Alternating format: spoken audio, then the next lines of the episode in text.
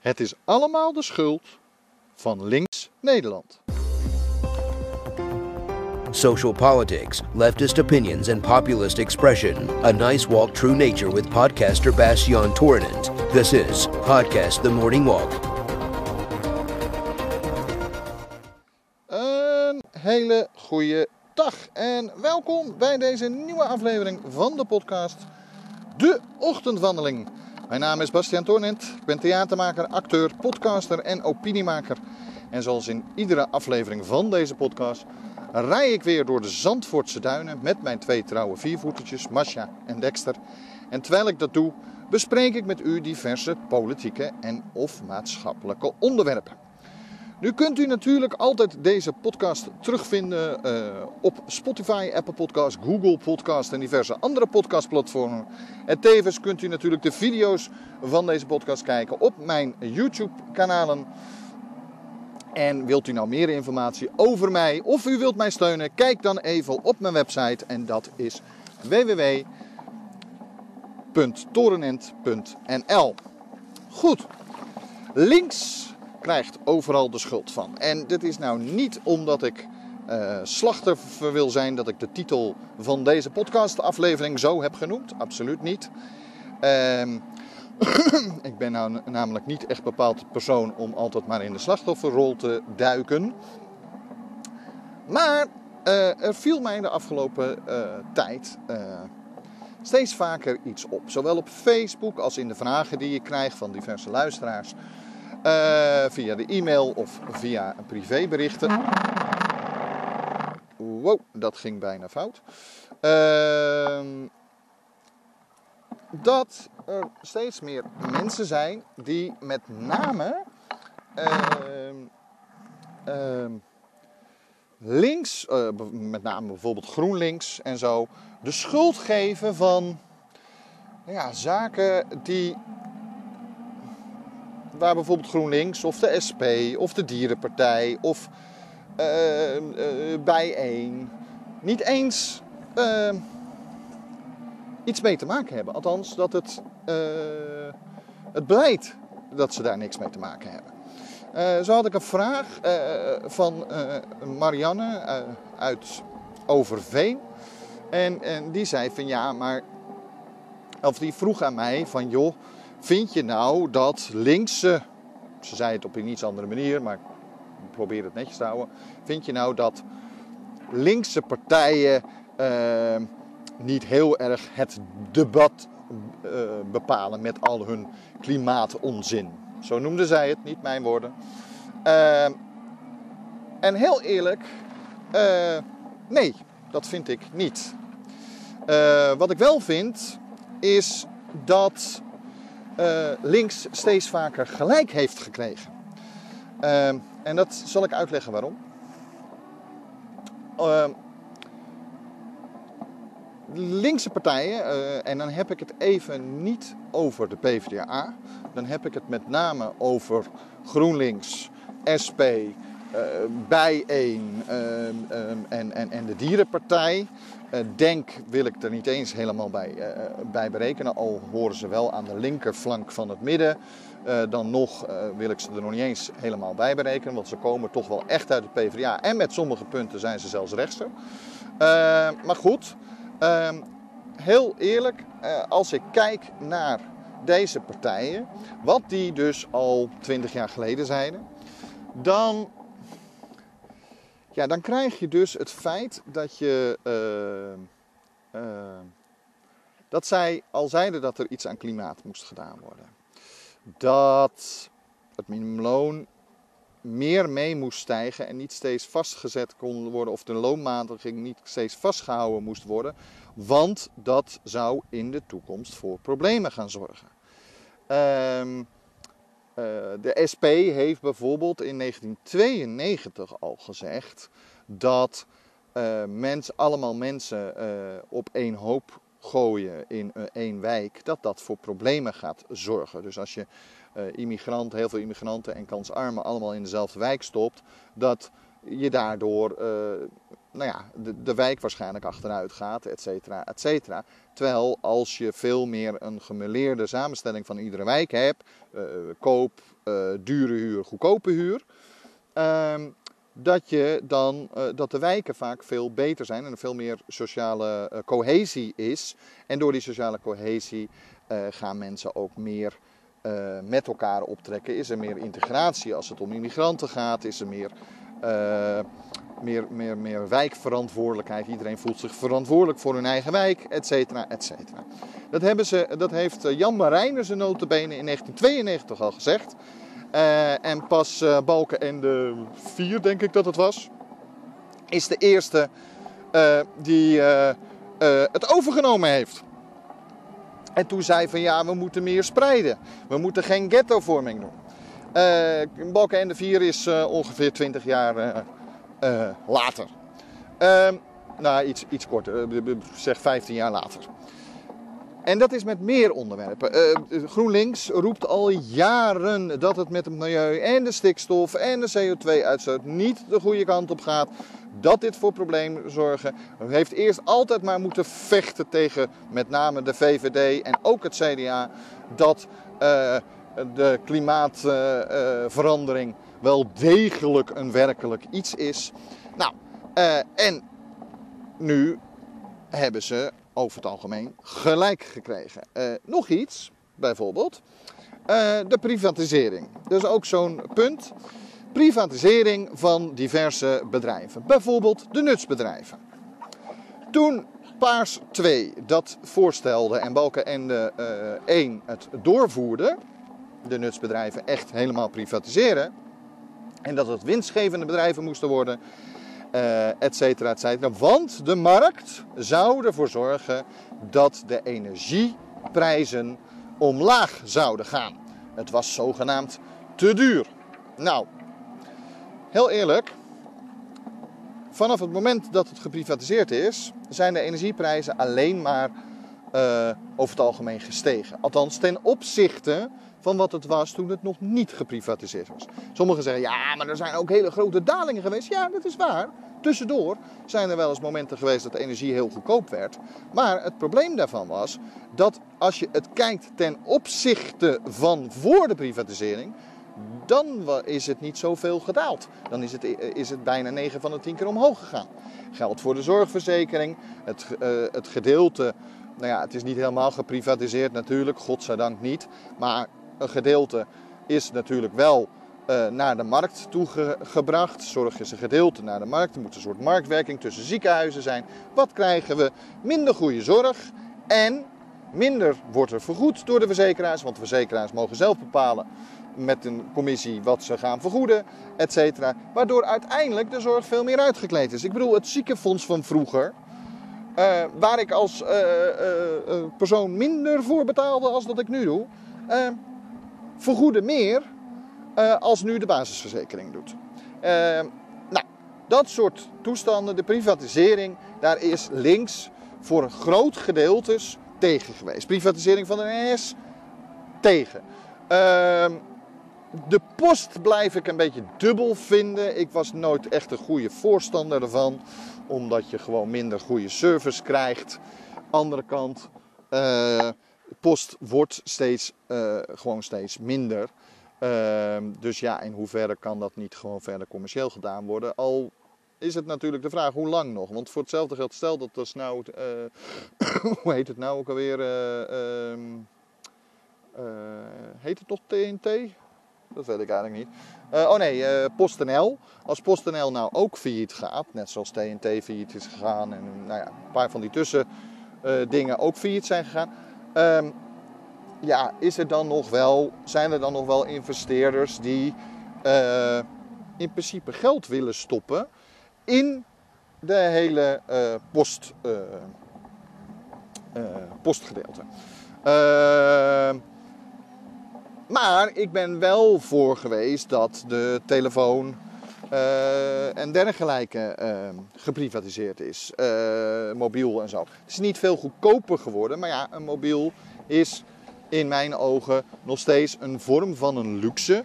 Uh, het is steeds noodzakelijker, maar in principe is het steeds meer een luxe. Dus dat daar, en er zijn hele strenge regels vanuit de Opta en vanuit Europa voor abonnementen, prijzen, et cetera, et cetera.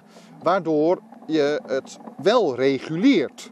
Uh, waardoor de bedrijven wel winst kunnen maken en uh, mensen wel ehm, nou ja, grote winsten zelfs, grove winsten zelfs. maar je, nou ja, laat ik het zo zeggen, de privatisering van de Opta heeft niet, of van de mobiele telefoon en netwerken is geen slechte zaak geweest. Want in sommige gevallen is het zelfs goedkoper geworden. En bellen is makkelijker geworden. Uh, bovendien heeft het ervoor gezorgd dat al die bedrijven, want dat heeft de Opta slash Nederlandse, uh, Nederlandse regering, of de regeringen hebben dat geëist aan mensen die op de markt wilden komen bij ons in Nederland, dat ze ehm, bij zouden dragen aan netwerkverbreding. Dus dat er meer uh, van die uh, zendmasten zouden komen. voordat ze dan op de Nederlandse markt mochten komen. Daardoor hebben we in Nederland een vrij goed, ik geloof 95% of 98% dekkende mobiel netwerk. En, en ja, natuurlijk is het ook nog wel een beetje afhankelijk van welke provider je hebt. Maar in principe heb je in heel Nederland uh, op nou ja, 98% van de plekken heb je uh, uh, mobiele verbindingen en zelfs mobiele internet. Niet overal al 5G. 5G is niet overal verprijsd, maar 4G dat zit zo langzamerhand overal. Dus heel eerlijk, ik vind dat een redelijke goede zaak geweest. En het heeft de overheid minder geld gekost. Maar de nutsbedrijven is natuurlijk een hele slechte zaak. Want in de huidige situatie kan onze overheid ook moeilijker ingrijpen. Uh, omdat je niet. Je zit altijd met concurrentiebeding van Europa. Je zit met uh, dat het niet uh, je eigendom meer is. waardoor je niet zomaar kan bepalen dat er een maxiprijs is. of tenminste, het ligt allemaal wat gevoeliger. Ehm, Terwijl als het van de overheid was geweest, uh, ja, dan is het eigenlijk makkelijker om te zeggen: uh, maximaal eisen we dit, uh, vragen we dit aan zijn bevolking. Want de overheid hoeft niet per se winstgevend te zijn. Dus, en ik vind altijd dat, het hele gezegde van ja, de marktwerking, de marktwerking. Ja, maar de marktwerking heeft tot nu toe er alleen maar voor gezorgd in Nederland en ook in het buitenland. Dat het alleen maar duurder en duurder voor de gewone consument is geworden. Niet beter. Goed. Waarom heb ik het dan over links? Links heeft daar altijd tegen gestemd. Tegen de privatisering. Is altijd fel tegenkant geweest. Of als er dan iets geprivatiseerd zou worden, dat er dan in ieder geval eerst hele duidelijke regels kwamen voor de bedrijven die het uiteindelijk gingen uitbaten, zodat de overheid altijd weer in kon grijpen. Nou zijn er altijd mensen die zeggen van ja, de grote overheid dat is slecht. Misschien. Maar heel eerlijk, uh, ja, heel eerlijk, dat is. Misschien is de grote overheid slecht. In, in, in sommige mensen het idee. Maar het grootste probleem is met dit soort dingen, is dat uh, de overheid moet in mijn beleving groot zijn in de stukken waar zij burgers beschermen, beschermen tegen extreem kapitalisme, uitbuiting, etc. En klein zijn als het gaat om bijvoorbeeld uh, hoe ze met de toeslagen om zijn gaan en in vertrouwen naar de burger zelf toe. Uh, want daar, uh, daar zit een enorm netwerk op, omdat ze de burger niet vertrouwen. Nou, wat vind ik nou erg aan de zin links, of erg aan, aan, aan de vraag van, joh, links heeft bepaald te veel het debat. links heeft al ruim 30 jaar niet meer echt geregeerd. Maar daar gaan we het zo verder over hebben. Do you love theater? Do you need a good director? Or do you like story and opinion podcasts? Then is Torinen.nl from Bastion Torinen the right company for you?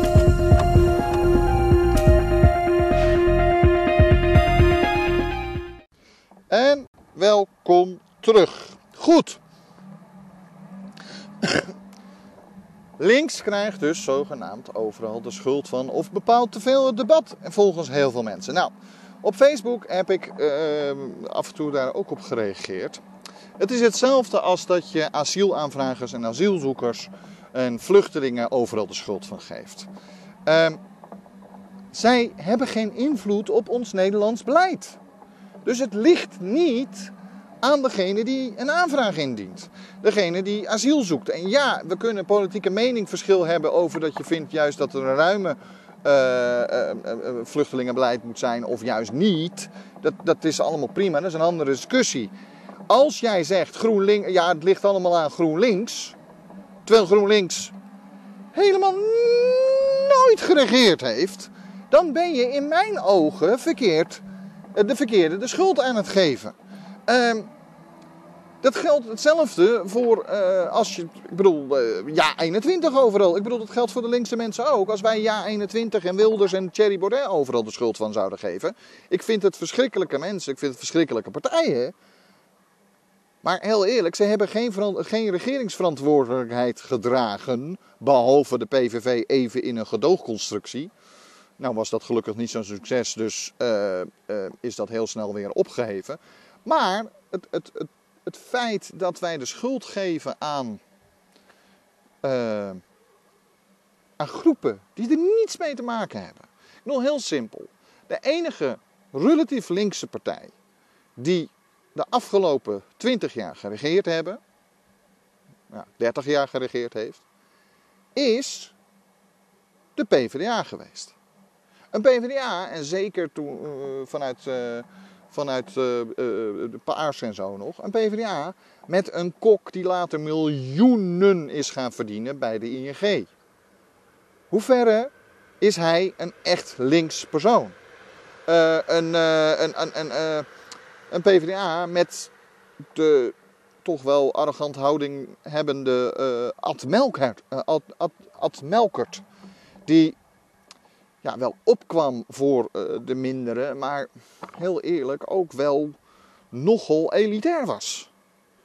En dan kan je zeggen van ja, uh, het, ze pretenderen links te zijn. Ja, dat is wel waar, maar ze zijn links van het midden. Net zoals uh, D66 echt aan de ene kant zelfs links en de andere keer rechts van het midden zit. En de VVD net rechts van het midden zit. Maar GroenLinks is veel meer een echte linkse partij. En de SP is een echte, hoewel een conservatieve, maar een echte linkse partij. Bijeen is een echte linkse partij. En dat je het niet eens bent met de bijeen en over de discussie over racisme, eh, et cetera, et cetera, dat, dat is allemaal prima. Dat, dat maakt niet uit. Het gaat er veel meer om, geef de juiste mensen de schuld. En ga op die manier dan ook stemmen. Als je het dan zo erg vindt, stem dan niet meer op de VVD. En op de CDA. Of zelfs niet meer. Nou ja, op de PvdA is al heel veel mensen niet meer gaan stemmen. Die is afgestraft. Bij de VVD wordt iedere keer niet geheel afgestraft. Terwijl ze wel degelijk al die jaren het beleid hebben bepaald. Alle rotzooi waar wij nu mee te maken hebben. Het vluchtelingen crisis, de energiecrisis, de stikstofcrisis, uh, nog steeds de toeslagenaffaire die nog steeds niet geregeld is. Want die mensen hebben nog steeds hun geld niet, zijn, zitten nog steeds in de problemen, zijn nog steeds hun kinderen kwijt. Al die toestanden zijn onder VVD-beleid, want die was de grootste partij, VVD-beleid ontstaan, gemaakt, gedaan. En hoe komt dat? Rutte heeft zogenaamd geen visie, maar Rutte heeft wel degelijk een visie. Want Rutte heeft een visie, en dit is niet, uh, ik ben niet de enige die dit zegt, bijvoorbeeld Maarten van Rossum zegt dit ook. Rutte heeft de visie om alle, de overheid zo klein mogelijk te maken en zo wantrouwend mogelijk naar de burger. Zodat de burger geen gebruik gaat maken van zaken waar ze wel recht op hebben. Dat is eigenlijk gewoon het hele devies van, van, van Rutte altijd al geweest. Hij heeft alle soorten sociale zekerheden uitgekleed.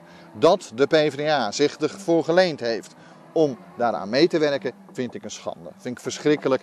En ik snap nog steeds niet waarom ze niet uit het kabinet zijn gestapt. Maar ja, misschien heeft dat ook te maken met dat de PvdA heel lang zoekend is geweest naar hun idealen weer, naar hun, hun, hun, hun, stroming weer. Omdat ja, hun uh, oorspronkelijke Den Uyl-positie, uh, uh, linkse positie, die ze vroeger wel hadden, ehm, ja, die is zo langzamerhand ingenomen door de SP en GroenLinks. Dus ik heb zelf zoiets van ja. Ehm, je mag van mij, de PvdA, het nog steeds kwalijk nemen. Ehm, al vind ik dat dan wel. Ik bedoel, we hebben straks waarschijnlijk acht jaar Rutte zonder de PvdA ook gehad. uh, en ik vind het cru dat de PvdA iedere keer als ze wel iets mee gaan regeren, dat zij meer de lul zijn dan bijvoorbeeld Rutte. Rutte is in mijn ogen de grootste boosdoener die er is geweest tot nu toe. Uh, en ergens ben ik blij, ook al wilt de VVD, de, de, groep die zich nu roert binnen de VVD, meer naar rechts toe. Ben ik ergens blij dat ook binnen die partij langzamerhand geluiden komen. Dat uh, de, nou ja, de VVD naar rechts moet en Rutte wel zijn langste tijd heeft gehad. Daar ben ik gewoon blij om. Maar geef alleen de mensen, of de, de, de, de, de partijen, de, de instituten de schuld die het ook gedaan hebben. Je kan niet uh, uh, GroenLinks verwijten dat er nu uh, een groot beleid is op stikstof en, en, en, milieu. Ze steunen het beleid in dusdanig omdat het veel meer in de visie van GroenLinks zit. Maar GroenLinks heeft niks in het kabinet te zeggen. Het kabinet heeft nog steeds een meerderheid in de Tweede Kamer. In de Eerste Kamer hebben ze geen meerderheid en hebben ze, zijn ze afhankelijker van bijvoorbeeld een GroenLinks. Maar ze zijn niet afhankelijk van, uh, hoe heet het, van, van, van, van, van GroenLinks in de, in de Tweede Kamer. En bovendien, in de Eerste Kamer kunnen ze ook via jaar 21. Dus als de VVD per se niet een klimaatbeleid wilde, en daar veel harder in was geweest richting D66, dan had dat gekund. Want ze hadden nog steeds een meerderheid in de Eerste Kamer kunnen krijgen via ja 21. Uh, dat ze dat niet gedaan hebben, betekent dat de gedeelte van de VVD, en dat is toch wel duidelijk in die partij, klimaatverandering ook wel degelijk als een groot probleem ziet. En dat het uitstellen van steeds iets aan de stikstof doen, dat dat gewoon niet meer haalbaar is. Ook wegens Europese wetgeving en regels, etc.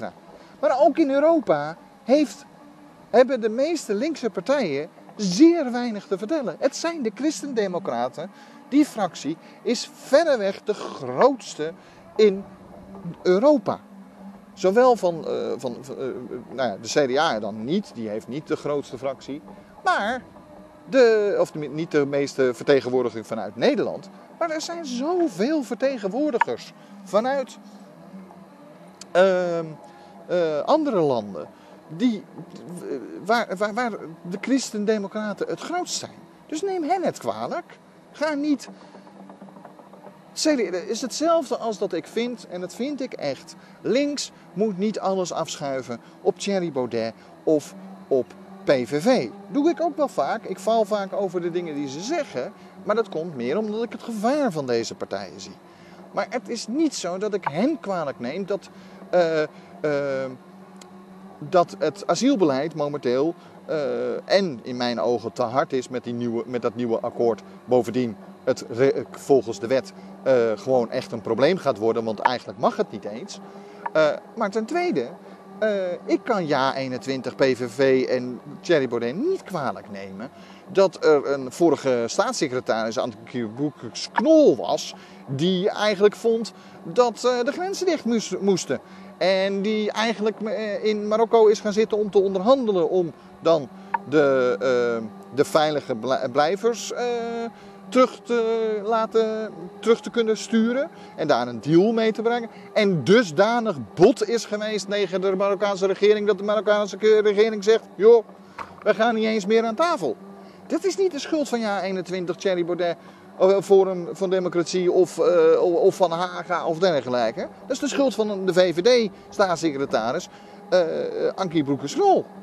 Zij heeft dat fout gedaan. Zij is te hard geweest in haar onderhandelingen. Zij is te hard geweest naar mensen überhaupt. En de chaos die er nu is, is nog steeds ook mede door haar veroorzaakt. Dus neem de VVD dat kwalijk als linkse mensen. Maar ook rechts, geef niet de links overal de schuld van. Het is het midden en eigenlijk rechts van het midden die momenteel al ruim 30 jaar de dienst uitmaakt. Het neoliberalisme is al die tijd al hetgene wat regeert. Dus geef hen de schuld. Goed, dit was het weer van vandaag. Uh, misschien een beetje passionele uh, oproep. Ik hoop uh, dat jullie ervan genoten hebben. Geef me een duimpje omhoog daar waar het kan. Deel de podcast eventueel. En ik vind het natuurlijk altijd leuk als u een recensie achterlaat.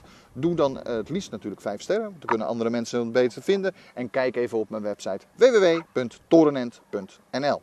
Tot de volgende keer.